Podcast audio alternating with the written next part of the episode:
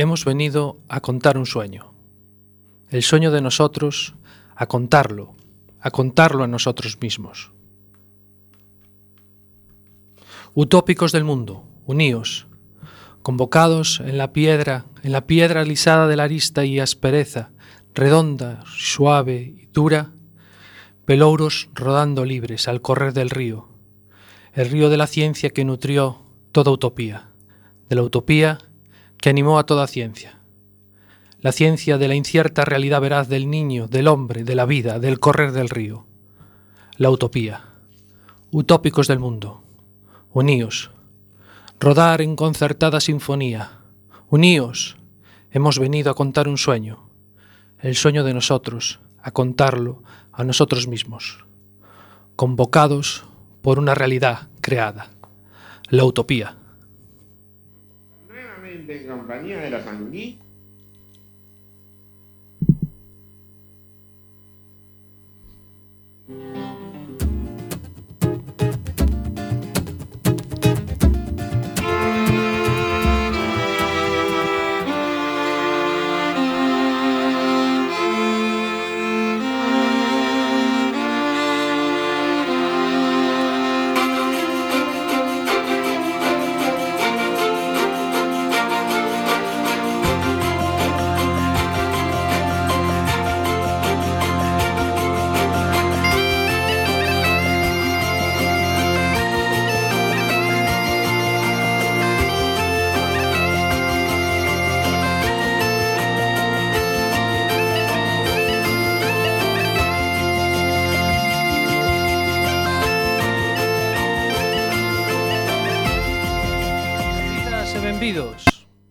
Estades, estamos en Cuac FM, en Peneirando a Educación, un programa sociocrítico coa realidade que está a vivir a infancia e a adolescencia do século XXI na educación e na sociedade.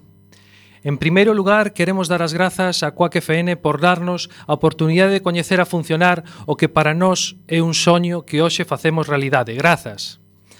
A realidade socioeducativa é na que queremos poñer o foco a través da infancia, da adolescencia e das familias como eixe motor da sociedade e como no, e como non dos profesionais que interactúan con eles nos diferentes ámbitos, na escola, na sanidade, na arte, na ciencia, no deporte. Peneirando, imos acompañando. Teño que mencionar sen nombrar a todos aqueles que sinten que se sinten sós neste camiño na construción de contextos para a infancia, un nexo común de unión para os que nos apaixona o mundo educativo, os nenos e as relacións humanas. Por iso, sendo coherente, teño que agradecer o acompañamento no día a día a Iago e Héctor e sobre todo a Sonia, a todas amigos, a todas as amigas e amigos, compañeiras e compañeiros que estiveron, están no día a día e forman parte do meu camiño. Peneirando, aquí estamos, aos mandos desta nave, está Marcial Rei ao que quero agradecerlle a súa, amizade, a súa amizade e a súa compaña nesta aventura. Nos micros, o que lles fala, Fernando Sueiro. Sen máis, estamos en directo na Centro 3.4 da frecuencia modulada.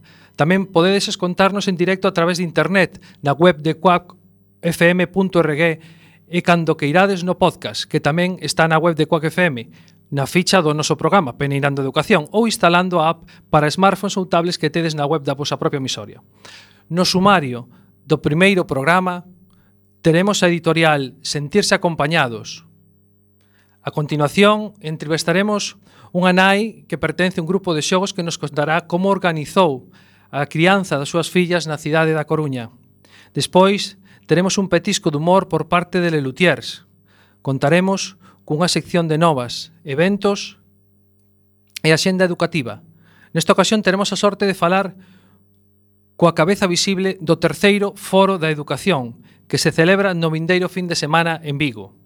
Estade atentos, que a organización deste evento nos prepara unha sorpresa para todos e para todas, que vos contaremos despois da entrevista. Lembrade, podedes enviar as vosas opinións en directo por WhatsApp ao 644 73 7303.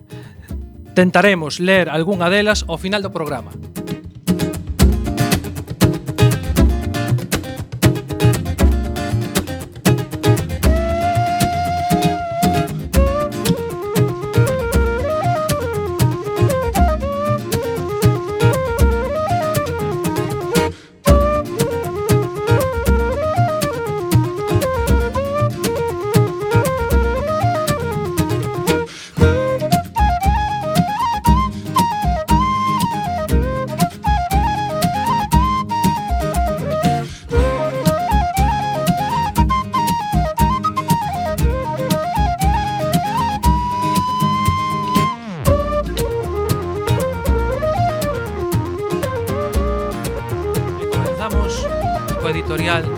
primeiro programa, sentirse acompañados.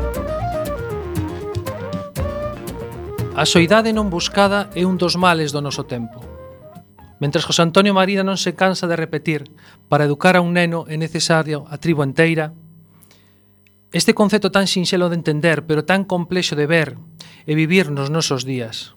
A realidade de moitos nenos non hai tanto tempo nas cidades e nos povos era de posuir as rúas dos barrios, as prazas, No rural, o neno era o, perque, o que percorría os camiños, xogaba nas eiras, estaba cos animais, pero sempre cun denominador común. En grupos sociais de iguais amplos e libres, onde o xogo e a responsabilidade situábanse en función das súas potencialidades, das súas posibilidades e das necesidades diarias da vida, pero sempre en compañía. A infancia era parte activa do cotián, coa súa función, na súa liberdade, A seguridade da infancia estaba contida nas relacións sociais establecidas, nos vínculos afectivos non só cos seus iguais de diversas idades, senón con veciños, con artesáns, con gainteiros, coa tenda do barrio. Parece que facía moita que isto pasou, pero, sen embargo, moitos temos referencias vividas en relacións a estes contextos Isto enriquecía a nosa infancia cunha vida social moi activa e con acontecementos diarios que nos enchían de historias e vivencias. En pouco tempo, esta situación mudou radicalmente a unhas sociedades cada vez máis individualistas que precisan que a infancia deixe de ser infancia para dar resposta a unhas expectativas inalcanzables e frustrantes non só para o neno, senón tamén para a familia, ten que saber idiomas, manexar as novas tecnoloxías, memorizar sen comprender, ten que aprender sen desexar. As relacións familiares corrompense a través da exixencia escolar. Hai que dar o temario. Se non se comprende, tendrá que ir a unha academia. Teño que forzar a que faga os deberes porque non lle interesa e se non vai a fracasar. Ten que escolarizarse dentro dos tres meses deixando a súa familia durante moitas horas. A sociedade traslada esa exixencia aos seus cidadáns, a esas familias e aos seus, e aos seus fillos. As conversas familiares están mediatizadas por si aprobo, por si aprendín ese contido sen desexo ou outro, si xa comenzou a ler ou non entende, se xa baixou ao baño ou segue mexando sin ir ao baño, en setembro comeza o segundo ciclo. Presión, presión, presión, isto é o que nos ensinan dende ben pequenos. Entramado de poder que va preparando e indoctrinando para el día de mañana a los futuros ciudadanos y que va aclimatándoles a lo que después van a tener que soportar habiendo desensibilizado esos efectos. Por ejemplo, el soportar el hostigamiento, la burla, la exclusión, el mecanismo de chivo expiatorio. Y muchas veces los niños en el sistema educativo lo que aprenden es que el mundo es una selva donde funciona el sálvese quien pueda. Esto prepara un futuro ciudadano indiferente respecto a las injusticias sociales y que tampoco va a reclamar para sí la solidaridad de los demás. Por tanto, prepara a un individuo mucho más maleable, más manipulable y más aislado y con la sensación de que nadie está ahí fuera para crear una red de solidaridad conmigo. Vivir unha educación que dé a resposta a un mercado que se soporta sobre uns valores, a competitividade, a intolerancia ao erro e ao fracaso, a visión de conflito como unha sanción, non como unha oportunidade de coñecer por que se produce e como se soluciona. Así, a relación queda fosilizada desde os primeiras idades en conseguir obxectivos que son o que o éxito social e vivencial nos di que temos que conseguir. As familias sempre queren o mellor para os seus fillos e en nome diso que se supón que o mellor presión, presión, presión á infancia e adolescencia en tempos de frustración sen manexar. O único que produce esta situación é a, o único que produce esta situación é a patoloxía social, a soedade do neno e a soedade da familia. A xente sin conexos, nun mesmo teito, porque non se comparte un interés común relacional.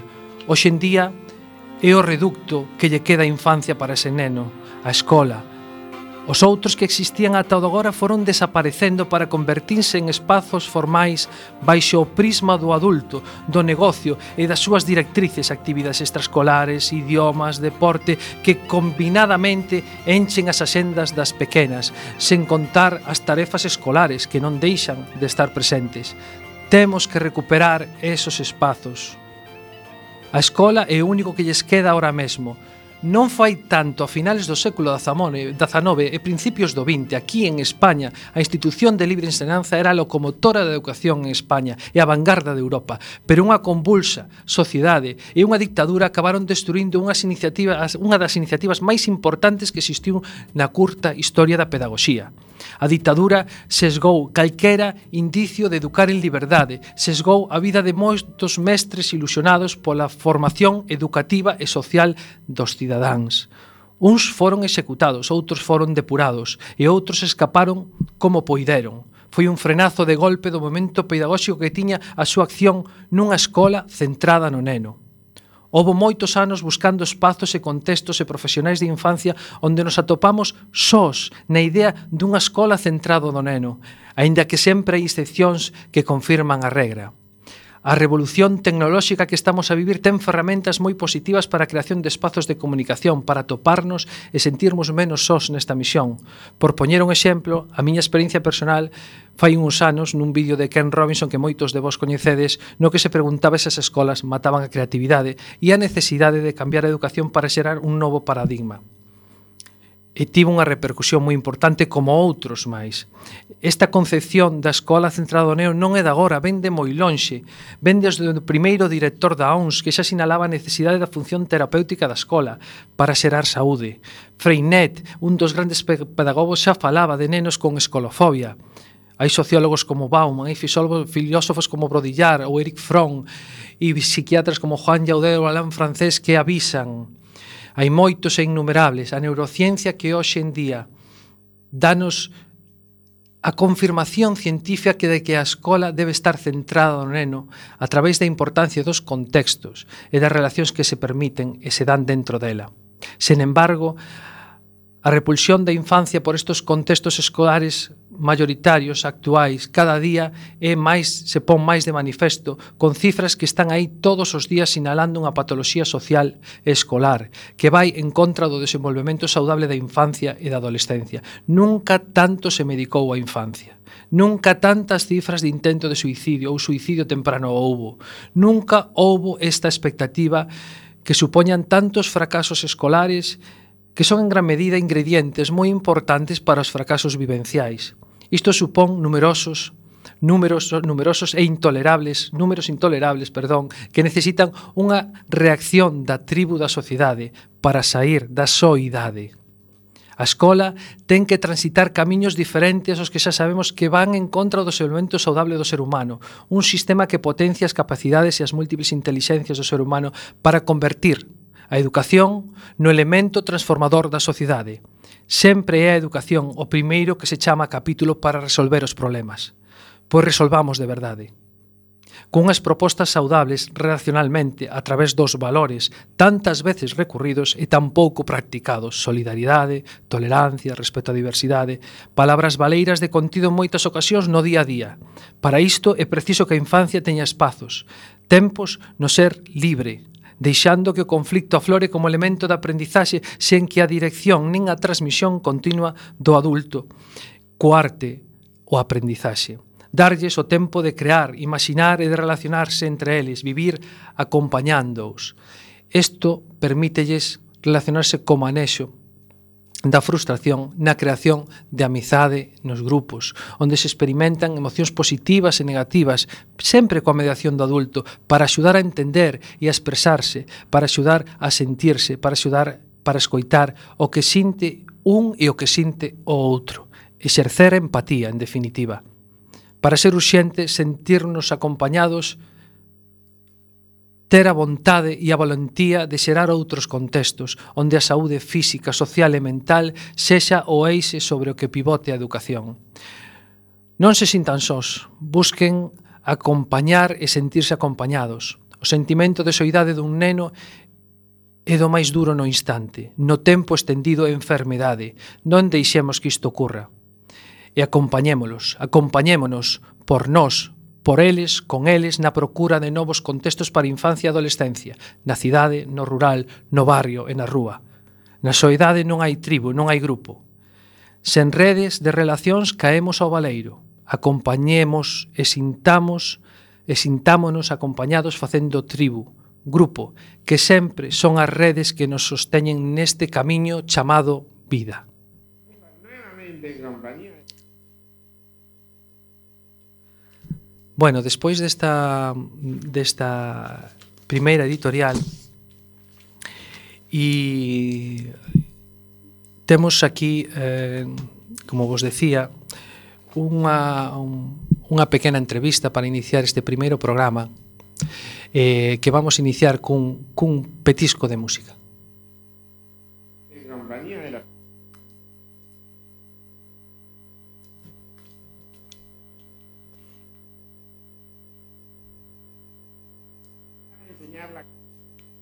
Bueno, tedes que perdoar porque neste primeiro programa temos as, as nosas eivas tamén neste inicio. Entón vamos iniciar eh, esta pequena entrevista. Eh, como vos decía no, no inicio do programa, no sumario, eh, ben está hoxe con nós eh, pois unha persoa que, que para min eh, pois eh, ten un, Enda que se representa en, neste caso, como temos falado, a ela mesma, creo que representa moitas cousas, non? A, a maneira que, que nos vai a contar a súa experiencia e a maneira que nos vai a decir, pois, como viviu eh, a crianza dos seus fillos. Eh, hola, Marta. Hola. Eh, Ve Marta Rodríguez Pérez eh, que hai un, bueno, pois ten, ten dúas, dúas nenas, ahora nos contará. Eh, eh, o interesante de, desta situación é que eh, pois ten fixeron un grupo de xogos dende que dende que os pequenos pois eh, pois eh, naceron, buscaron maneiras e formas e moi interesante, creo que é moi interesante escoitar un pouco este percorrido que, bueno, pois que Marta como como nai pois nos nos nos ofrece hoxe. Entón, eh bueno, eh, máis alá de presentarte como nai de de dúas pequenas que de 6 e 9 anos, creo recordar, non? 6 e 9 Eh, pois gustaríame saber eh, que por que por que pensaches eh, pois eh, ter un, un fillo, unha fillo cando un se plantexa, non? Pois ser nai, non? Eh, que un ten na cabeza, que pensa antes de, de, de ten, que é o que pensa para os seus fillos, que, que, que ideas? Bueno, eh, a verdade é que é curioso que xa non o recordo moito, non? hai tan pouco coñecemento, temos tan pouco coñecemento sobre a maternidade eh, que é un pouco unha decisión tomada porque toca, por curiosidade, eh, bueno, por un certo desexo que, que agora non son quen de identificar, pero desde logo que agora sí que identifico un profundo descoñecemento do que iba a implicar, non? eh, na nosa sociedade non sabemos como é como é unha crianza. Non sabemos cales son as súas necesidades e todo o que vai eh, eh todo o que vai implicar, non? Eh, entón, a verdade é que non recordo, non recordo, recordo que obedeceu un desexo eh, moi inconsciente no sentido de que non anticipábamos todo o que estaba por vir e, e todas as contradicións que iba a supoñer, non todo o que nos iba a revolver e, e a entón, chegada das nosas fillas.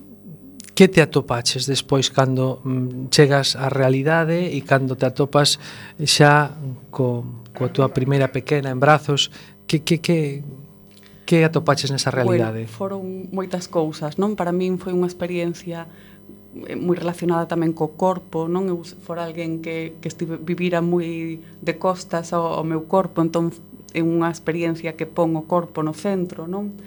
E, e, e a verdade que toda unha sensación de, de desconcerto, de, de, de que como se o, a, a nena, a bebé non funcionara, non todas as expectativas que tiñas en relación aos cuidados pois parece que non funcionan, de que parece que necesita máis, non? E ti non sabes como responder a esas necesidades e, e, e tampouco tes moita compañía, non? Que, eh, bueno, eh, non, non hai non temos coñecementos sobre as necesidades das crianzas e como atendelas, non? É como rompeuse esa comunidade que tiña que sabia, que tiña sabiduría sobre, sobre a crianza e os cuidados. E parece que só podemos recurrir os, os libros, os expertos, non o, o que recurrimos moitas nais e moitos pais, eh, pois para informarnos, porque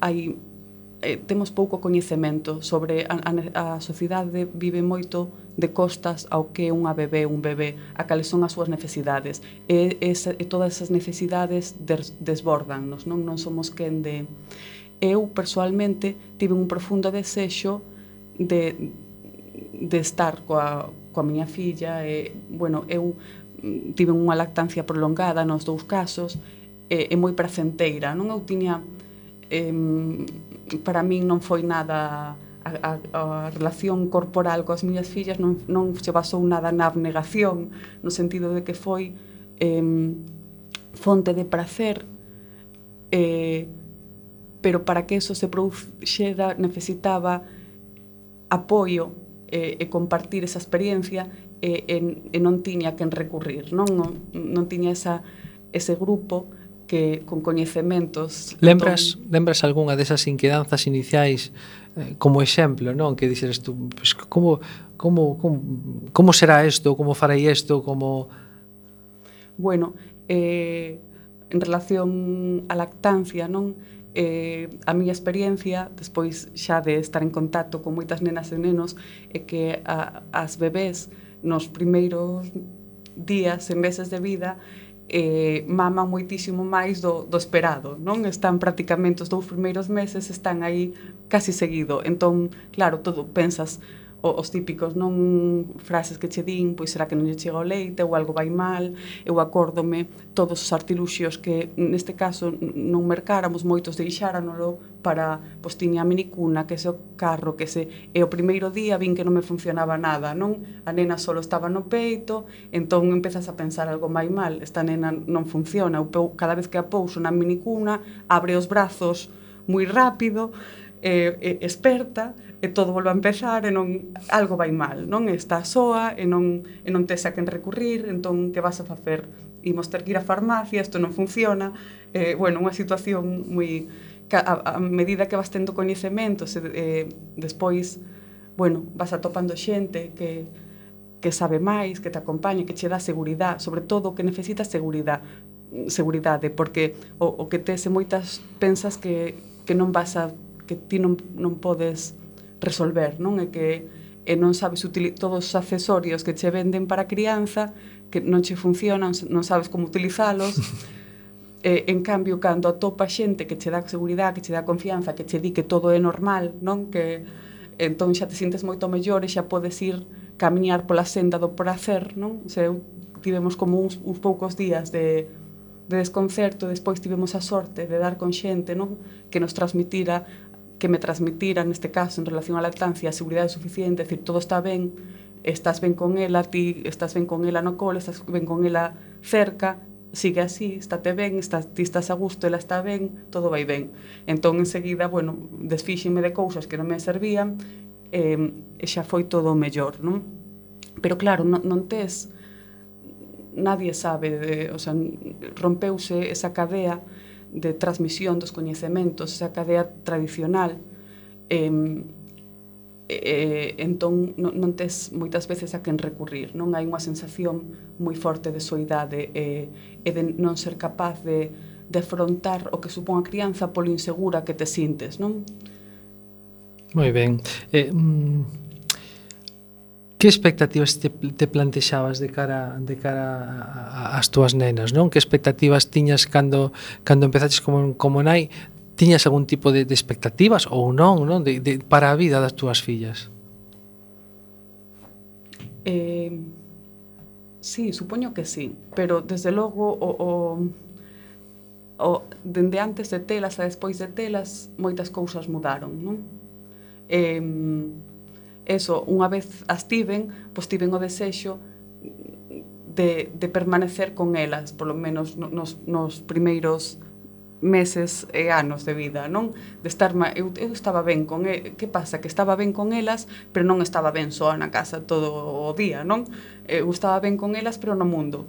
Entón empezou a haber dificultades para claro, vía que era difícil seguir tendo unha vida rica no plano social ou de interacción e, e, e ao mesmo tempo que que estaba co, coa nena, non? Eh, expectativas, bueno, eh, pois non sei que que, que foran a verdade é que, que non, non, tampouco teño ora un, un camiño definido para elas, non? Pois que medren de maneira máis saudable en todos os planos tamén posible, non? Que, que, que sexan quen de ser elas mesmas, que se sintan ben con elas mesmas. Eh, Sí, recuperando un pouco o que decías na, na, na anterior resposta, eh, eh, pues quero rescatar un pouco eso que me parece moi interesante, ¿no? cando estabas con esas, con esas inquedanzas, con esas dúbidas que manifestabas, eh, ese, esas persoas das que te referías que un pouco axudaron a, a, a acompañarte nese momento, no? a resolver esas dúbidas, eh, como foi eh, un pouco evolucionando ese acompañamento e como fuchedes construindo, porque dentro que parte un pouco de relacións a mellor da amizade, non? Sí. E, e iso a mellor se foi ampliando un pouco polo que tamén temos falado en outro momento, non?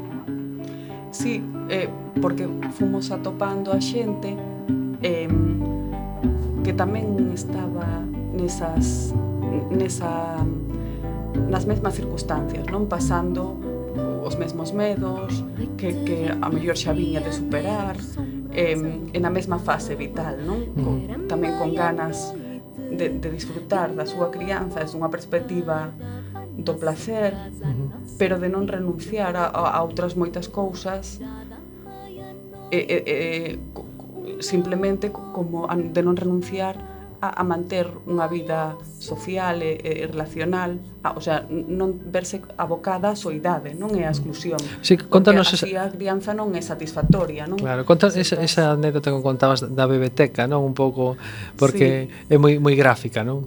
Bueno, eh, esa, esa anécdota é para ilustrar, non?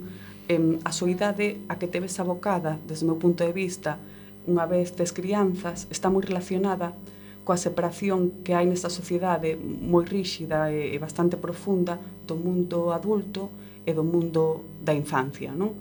E, cada vez hai máis espazos especializados para nenas e nenos, espazos estupendos de calidade, que non, non digo eu que sexa malo, que existan esos espazos, pero que, que aparecindo esos espazos ten como unha contrapartida, que a exclusión das nenas e nenos do resto da sociedade, non?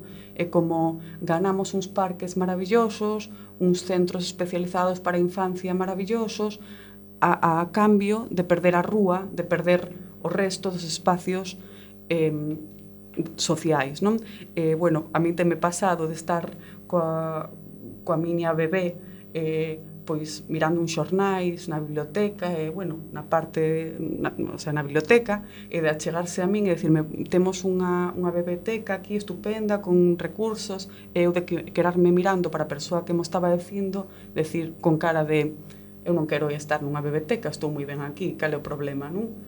Eh, a miña filla non pode estar aquí tampouco, o sea, ten que estar na biblioteca, non?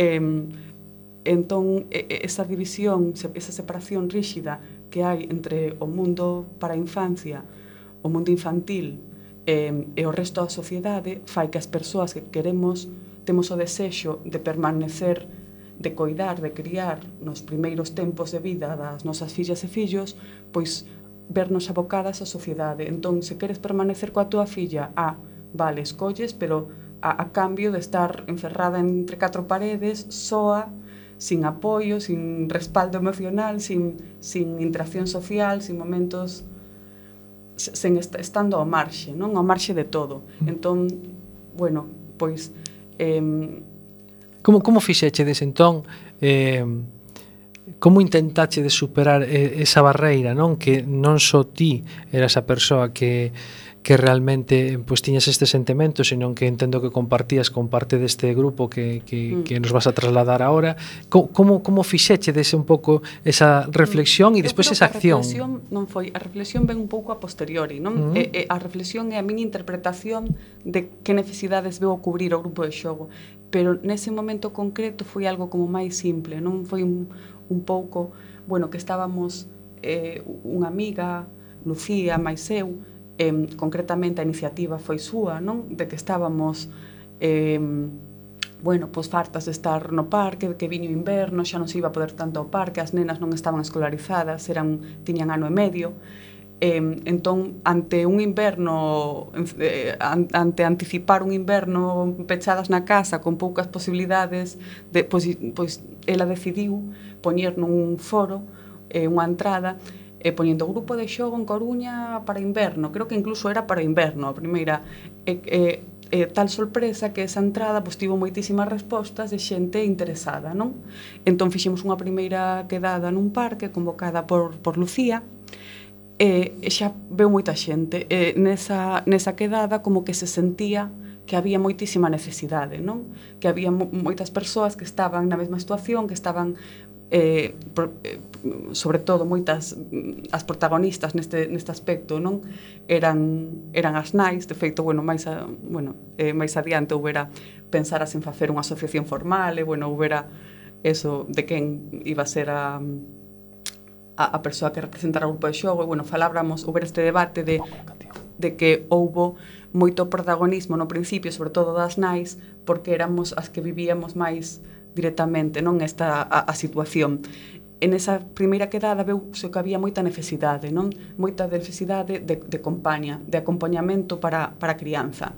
Entón xa empezamos a facer quedadas, había que buscar un sitio, eh, tivemos problemas no centro cívicos, parece que non se podía ter, bueno, había varios requerimentos, entón nese momento pois atopamos un espazo no centro social ocupado de Palavea, cederonnos ali dous espazos maravillosos que acondicionamos e facíamos ali ese inverno, pois quedamos ali era quedar para falar, facíamos moita terapia de, de contar o que nos pasaba, de, de ver que todo era normal, eso dábanos moita seguridade, era un pouco de a min pasa, a min...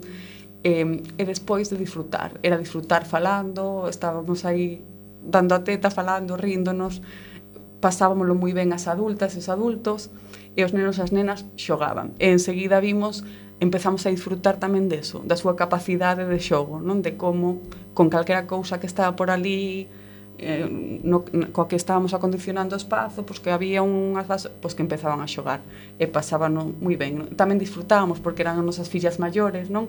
E, e, e nunca víramos así. E, e, bueno, a partir do ano medio tiñan máis ou menos, entón empezamos a ver esas as interaccións, non? O, os xogos que montaban, entón vimos que non e demais o ben que estaban, non? E, e como nos permitían a nós, elas estaban tan ben que nos podíamos estar tranquilamente falando, pasando moi ben, tamén disfrutando. Entón o sea, foi unha fonte de prazer para as maiores e para as pequenas. O sea que é posible. sí, sí, claro. E bueno, e, e a min o, o grupo de xogo foi unha experiencia, pero hai eu e, neste momento, o sea, no momento que xurde o grupo de xogos, a finais do 2011, en ese momento e antes, pois noutros lugares, a veces relacionados con grupos de lactancia, con, pois aparecen outros grupos que, que eu creo que responden non a esta necesidade tamén. Ese foi o, o, o noso caso. O sea que non parte dunha reflexión en plan no temos que acompañar a crianza senón parte de en plan oye que estamos aquí no parque que estamos xa fartas de estar no parque porque moitas dinámicas do parque tampouco nos gustaban non? Porque o grupo de xogo era un grupo que compartíamos bueno certa visión da crianza. e E despois que nos víamos que viña inverno e que o futuro era estar na casa aguantando, o sea, coas nenas en unha situación que iba a ser moi dura. E, e, e nos non queríamos eso, non queríamos... Eh, eh, eso, estábamos, queríamos buscar unha crianza que fora pracenteira para nós, e, e para as nenas e para nós, non? Entón, o grupo de xogos foi unha fonte de placer para, ele, para as nenas e nenos xogando e nós disfrutando de como xogaban e, e, e, e interaccionando entre nós, non? Ahora mismo, eh, cal, cal sería un pouco en, en que derivou ou como eh, ou si continúa ou, ou en que momento está este isto que é tan interesante que realmente facer comunidade, non? E que recuperar eso que decíamos un pouco na editorial inicial que se perdeu, non? Que que os nenos teñan espazos onde poder estar libremente xogando, coa mediación e coa seguridade do adulto, pero xogando libremente, non? Bueno, eh, co paso do tempo, o grupo de xogos foise transformando, non? Eh, agora sigue existindo, sigue habendo unha lista de correo, aínda hai no verán eh, eh, un grupo de familias, nos non fomos este ano, pero foron de camping, eh, aínda se siguen compartindo eh, aínda se siguen compartindo eh, tempos, non espazos.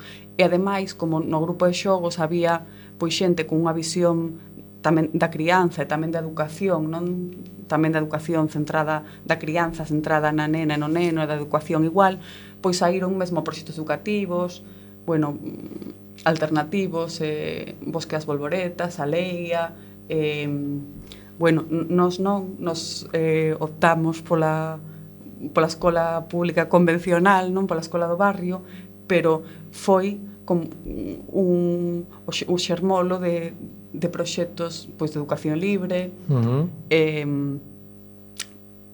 en, entón eu penso que non foi algo que desapareceu, senón foi algo que se transformou.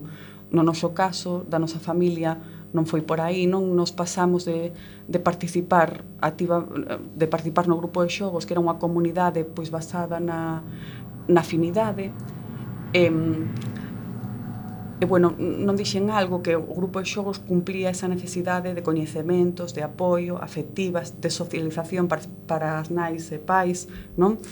Eh, pero tamén pensamos que cubría unha necesidade, bueno, necesidade de xogo, non da, da, das nenas e nenos, pero cubría unha necesidade moi importante, que eu penso que é moi importante para as nenas e nenos, que é a necesidade de medrar nun contexto comunitario, en certo sentido, nun contexto afectivo, de rede afectiva ampla, de rede afectiva e de confianza que vai máis alá da familia nuclear, non? Eh, para min, eh, a comunidade ou a tribu, como lle queiras chamar, eh, é un axente educativo máis e penso que a ausencia de comunidade ten repercusións na, no desenvolvemento da personalidade, igual que precisamos ter unha relación eh, de apego seguro coa nosa figura de referencia, coa nosa nai, coa, coa persoa que nos cuida, non? coa noso pai, igual que necesitamos ter unha relación de apego segura porque desa relación de apego segura depende a nosa confianza básica, tamén penso que as crianzas, as nenas e nenos necesitan unha rede social ampla que hoxe desapareceu, non? Nas sociedades de hoxe esta comunidade descompúxose. e, e, e moitas veces eh, as tensións que vivimos nas familias e as tensións que se viven nas escolas probablemente tamén teñan esta orixe na desaparición dun axente educativo, o axente da comunidade, non? Eh, medrar con, con unha rede afectiva ampla, unha rede de confianza ampla tamén de persoas adultas, non? eh, pois ten unhas repercusións moi importantes no teu desenvolvemento. E nos agora, tal vez, o noso camiño foi un pouco, pasamos de ter, de intentar, de traballar por tecer unha rede afectiva baseada na afinidade a intentar cultivar unha comunidade basada na veciñanza. Agora estamos centradas eh, no noso barrio, no barrio que vivimos, participamos na asociación veciñal, na AMPA, eh, e tentamos traballar as relacións de veciñanza mesmo no noso edificio, non, e, e no noso barrio para que as nenas pois poidan ter ese, non só para as nenas, senón para nós, non para nós tamén hai calidade de vida, non poder ter ter relacións coas persoas que nos rodean, non? Sí. Relacións de confianza afectivas. Eh, sí, cando, perdona, cando falamos estes días, mm. eh, Marta nos contaba o tema de desa de decisión de que pues, as nenas pues, foran comprar o pan, non? Ah, as túas sí, sí. fillas que que idade teñen? Bueno, eh, as miñas fillas teñen casi da vergonza de filo por, por, polo, non? A miñas fillas teñen nove e seis anos, non? Eh, que unha nena de nove anos vai a mercar o pan, hai xente que lle parece alarmante, se vai acompañada dunha de seis, non? Ainda máis. Porque as nenas e nenos perderon moita liberdade, moita autonomía, perderon cidadanía, perderon capacidade de, de eu fai anos viaxar a India e asombrárame a madurez de moitas nenas e nenos que falábamos con elas e, e, e informábamos os problemas que tiña a súa comunidade, do seu papel na súa comunidade. Eu a veces penso, aquí os nenos e as nenas están infantilizadas, infantilizados, non están ao marxe da comunidade e con moi pouca liberdade. Os parques son estupendos, pero cada vez están máis pechados e eles non, non teñen dereito a, a, a moverse pola cidade, a participar na, na súa comunidade, a enterarse do que sucede. Entón, nós agora eh, estamos centradas non máis no, a nosa familia, máis no, no local, non en intentar pois eh, eu penso que é moi importante tanto no grupo de xo, coa experiencia do grupo de xogos como con esta experiencia de barrio, é moi importante reivindicar a comunidade como axente educativo a, re, a recompoñer porque non pode cargarse todo, no, todos en plan mellor a escola, ou escola mellor, estupendo, eh, eh, eu concordo, bueno, na túa editorial totalmente, non en relación á escola, pero eh, non só a escola e familia, é que desapareceu a comunidade. Claro. E sin comunidade, a escola e familia non son capaces de resolver, de, non son capaces de cubrir eh, ese, ese valeiro. Non? Entón, temos que, que, te, que mm, que restaurar esa rede que existía nos barrios. Nos fixemos un obradoiro dende a Asociación Vecinial sobre a historia do barrio e as persoas maiores do, do barrio falábannos desa comunidade con moito orgullo e, e, e con moitas experiencias vinculadas á súa infancia, non? De, de, de, de como era medrar en Labañou, en San Roque, na Coruña, medrar ins, inserida nunha comunidade e, e, e nos escoitamos as maiores e alucinamos non? Do, do potente que era eso e, e con moita envexa dicindo se, se tiveramos isto hoxe non? Como podemos rescatar isto eh, eu creo que, que Marta ti, eh, neste caso é, eh, é un é un exemplo no sentido de de como moitas seguramente outras persoas que nos poden estar escoitando que están intentando facer o que ti fixeches con, eh, con máis ou menos apoio, pero que é importante eh, o testimonio de que é posible, de que se pode eh, intentar recuperar e ás veces recuperar, aunque sea unha pingueira, pero recuperar un pouquiño ou intentalo. Evidentemente, necesitamos axuda de moitas outras partes, non? Eu, bueno, algo eh, nos pouco fixemos e bueno, as, actualmente na sociedade actual tes tan pouco tempo, non? Que tes tan poucas enerxías, pero algo para animar a xente eh, eu diría que é moi, moi placenteiro, moi satisfactorio. Non Para o noso grupo de xogos foi unha fonte de, de felicidade, de, de bons momentos, non de disfrute e penso que tamén o proceso de restaurar a comunidade no noso barrio ahora tamén non pode ser, non? Restauramos unha festa tradicional, a festa dos porcos que se facía no barrio fai anos, bueno, e descubrimos moitas cousas, coñecimos a xente maior. Entón, é un proceso para min que é fundamental para unha boa calidade de vida Totalmente. e despois é un proceso placenteiro, non? Non, non é algo... O problema é que non hai tempo para dedicarse a él, non? Pero Eh, que, que é un camiño agradable de prazer, non? Entón... Bueno, pois eh, eu... Eh, neste caso, nada máis que agradecerche eh, a pesar de pues, a veces eh, as dificultades dun primeiro programa, pero agradecerche estar vindo con nós este primeiro programa de Peneirando Educación. Agardamos que este relato eh, axuda a moitas familias a ver que non están soas, que hai moitos exemplos que lles van a axudar a construir e a xerar comunidade, algo básico, como decías ti, en calquera momento, e máis nos momentos actuais que vivimos onde a individualidade pois a illa cada vez máis as familias e os nenos, e temos que volver a xerar comunidade polo noso benestar, pola saúde dos pequenos e das pequenas e a nosa, e a nosa propia, non?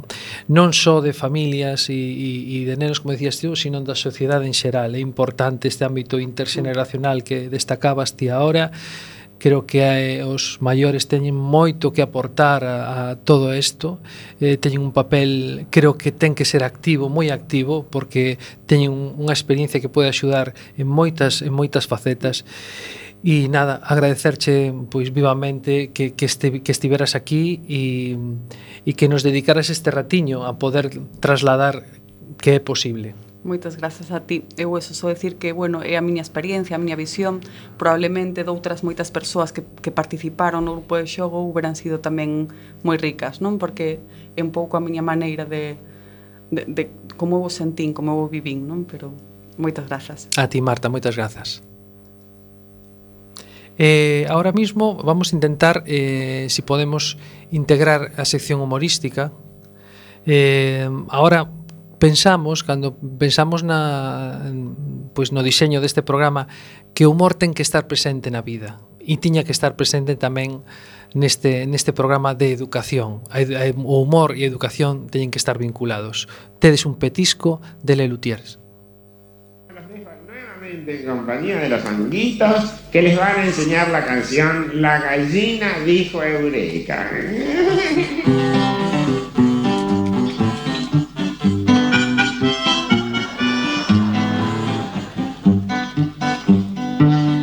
La gallina estaba clueca, puso un huevo y dijo eureka. La gallina cocorocó. La gallina dijo eureka. Se quedó tan sorprendida que olvidó hacer la... ¿Qué? Que fue que la gallinita dijo eureka. Si vos dijiste recién que la gallinita dijo eureka, cocorocó y cocorocó. Explícame. ¿Por qué? ¿Por qué dijo Eureka? La, la gallinita dijo Eureka porque estaba muy contenta. Sí. Claro. Estaba contenta. Muy contenta. Muy contenta. Sí. Estaba chocha. Bueno. Eh, ya está. Se quedó tan sorprendida que olvidó hacer la comida. La gallina corocó. La gallina distraída. ¿Por qué estaba muy contenta? ¿Eh? ¿Por qué? La gallinita estaba muy contenta, querido, porque iba a tener un hijito. Y eso la hacía muy feliz. Claro. Es tan hermoso poner un hijo. Tener un huevo. Tener un hijo. Y se fue la muy coqueta a pasear en bicicleta. La gallina. ¿Por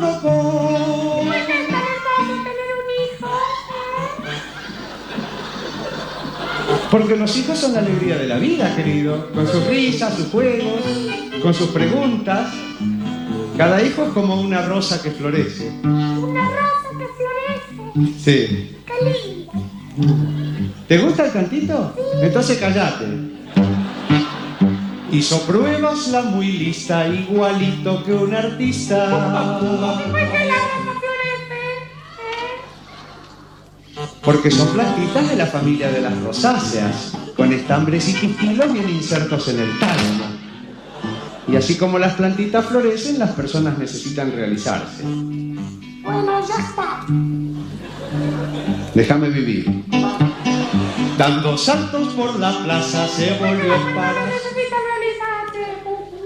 Porque realizarse es trascender yendo más allá de los hechos hasta lograr cierto tipo de equilibrio. Tipo de equilibrio como un árbol. Como un árbol. Como un árbol. Un árbol. Como un árbol. Un árbol. Como un avioncito que vuela. ¡Ah! Un avioncito que vuela. Sí, bola. Como un barquito que flota. Ah, un barquito que flota. Está bien. Y para arreglar Un la... barquito flota. Porque todo cuerpo que se sumerge en un líquido experimenta un empuje de abajo hacia arriba igual al peso del volumen del líquido desalojado. Es el principio de Arquímedes. ¿Quién? Arquímedes, ese que cuando lo descubrió dijo Eureka. Como la gallinita. Sí, como la gallinita dijo Eureka. ¿Y por qué la gallinita dijo Eureka? No, nene, no. Las gallinitas no hablan. Estamos de novo, estades en Peneirando Educación en CUAC FM no 103.4. Vamos ahora a darvos unha, unha breve de reseña dunha pequena entrevista que fixemos co organizador do foro do terceiro foro de educación que se vai a celebrar o vindeiro fin de semana, que o 20 e o 21 de setembro, é o terceiro foro de educación que que organiza Faro de Vigo e donde se xuntan cerca de 1500 persoas. Tivemos a ocasión de falar con, con Bruno Rodríguez Castro, que é o xefe de, de tecnoloxías e sistemas do Faro de Vigo, e nos eh, contou un pouquiño en que vai consistir este terceiro foro. Só dicirvos que tedes de agora hasta final da entrevista eh, para enviarnos un WhatsApp para conseguir dous abonos que nos deron dende, dende a organización para eh, trasladar os nosos ointes. entonces en canto empeza a entrevista, podedes mandar o WhatsApp. Os dous primeiros WhatsApps que cheguen con nome, eh, DNI e, e o teléfono de contacto, eh, nos poñeremos en contacto con vos para trasladarvos os abonos eh, ao rematar a entrevista diremos eh, o nome das persoas simplemente que foron as que conseguiron os abonos. O número de WhatsApp é o seguinte, podes apuntar 644 73 73 03, repito, 644 73 73 03. Vos deixo co, coa entrevista que mantivemos con Bruno. Bueno, como ben sabedes, o día 20 e 21 de setembro vaise celebrar eh, en Vigo, no Auditorio do Pazo Congresos Mar de Vigo, eh, o terceiro foro da, da educación e hoxe temos connosco a Bruno Rodríguez Castro, que é director de, das tecnoloxías de información do Faro de Vigo, pero que está eh, inmerso na organización e no desenvolvemento destas, eh, destas xornadas dende, dende o inicio, dende a primeira edición. Ao cal, nun inicio quero agradecerlle a súa disponibilidade e a mobilidade para estar hoxe en Peneirando Educación de Coac FM. Hola, Bruno. Hola, que tal? Bo día. Bo día Encantado de, de estar aquí.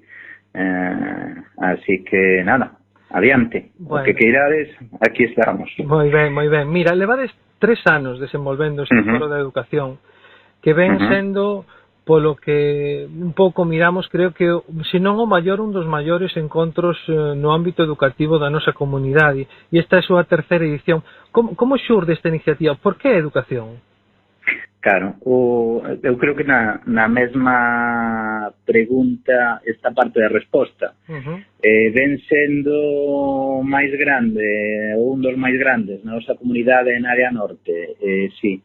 Eh, eh, por que xurde? Porque non había. Eh, eh, mm, eh, por que o arrancamos nós? Eh, pois arrancamos nós porque foi unha demanda dos, uh, dos docentes. Eh, me refiro, isto xorde da maneira absolutamente máis natural. Eh, uh -huh. eh, como nós creemos que xorden as iniciativas eh, que teñen éxito. Que cando tú non te subes nunha poltrona para decidir eh, que o que os demais necesitan, senón que a xente que eh, necesita algo se dirixe a ti para que lle botes unha man arrancalo. Uh Entonces, eh, esto xorde, eh, nós eh, somos profesionais aquí no Faro de Vigo, eh, no meu caso non son periodista, pero moitos compañeros si son, uh -huh. eh, isto xorde cando un profesor, digamos, máis ou menos inquieto, eh, dun dos nosos fillos, eh, nos dice, oye, eh, e vos que tedes un clube de opinión, eh, o Club Faro, e vos que de vez en cando traedes a xente referencia en... Eh, diferentes ámbitos a falar por que non facedes algo realmente potente no mundo da educación? Eh, que non hai nada. Eh, eh, non hai nada de feito eh, o que nos dicía esta persona era sobre para ver a xente como Richard Gerber eh, ou calquera destes onde me teño que ir eh, eu simo a Madrid ou, ou outros espacios eh, educativos moi lonxe eh, é realmente unha pena. Eh, co cual, eh, ese mensaxe que se nos traslada desde os docentes, eh, internamente o gestionamos, eh, e internamente se nos dice, pois, oye, vamos a apostar polo tema, eh, o arrancamos, o primeiro ano foi realmente un éxito, eh, tanto en participación como despois xa repercusión, eh, todo o feedback que nos chegou, co cual despois xa, xa foi eh, sobre ese ir iterando eh, para ir mellorando cousas, facer o segundo, eh, este ano terceiro, e conseguir que eh, se faga realmente unha referencia. O que che comentaba ao principio como xorde, pois porque nos lo demandan e porque realmente nos damos conta de que existía a necesidade, as ganas, eh, e non existía. Xa, xa. Entón, eh, cando vos vos plantexades iniciar esta, esta aventura, porque bueno, un foro destas dimensións con, creo que andades cerca das 1500 persoas nestas, nestas xornadas eh, realmente que, que, que obxectivos vos plantexades un pouco cal, cal é a, a mensaxe ou mensaxes que se, que, que se quere amplificar ou, ou que necesidades non vedes que é necesario valga a redundancia pois eh, dar resposta non? Claro. Eu creo que eh, o que mm, se pretende é, eh, por unha parte, crear un punto de encontro para os docentes, e por outra, traerlles eh, todo o que se está movendo eh, no ámbito da educación eh, para que eles sexan capaces eh, de ver, de tocar e despois se trasladara aos seus centros educativos ou ás súas casas, porque, ollo, eh, cando falamos de educación, nos chega eh, moitísimo feedback eh, de centros educativos que han arrancado eh, iniciativas ou tendencias que viron, que tocaron, que palparon eh, e que aprenderon no foro, co cual eh, o noso objetivo, eh, o faro que pretende crear comunidade, faro que pretende ser útil, eh, cando un centro nos dice oye, mira, que aquelo que me dixerades eh, tal, aquelo que vin en eh, conseguín poñelo en marcha realmente o noso grado de satisfacción vamos, nos aí vemos todo o que podíamos pretender eh, máis que cumplido e máis que satisfacción. Bueno, eh, hoxe non temos tempo para máis, vamos a despedirnos. Quería dedicar este programa á primeira persoa que soou nestos micrófonos e neste programa que don Juan Rodríguez de Llauder y Riesco, o meu mestre, eh, fundador do Centro Neuropsicolóxico O Pelouro. Sen máis, quero despedirmos, agradecervos a vosa atención, eh, nada máis. Sinto os erros do SEO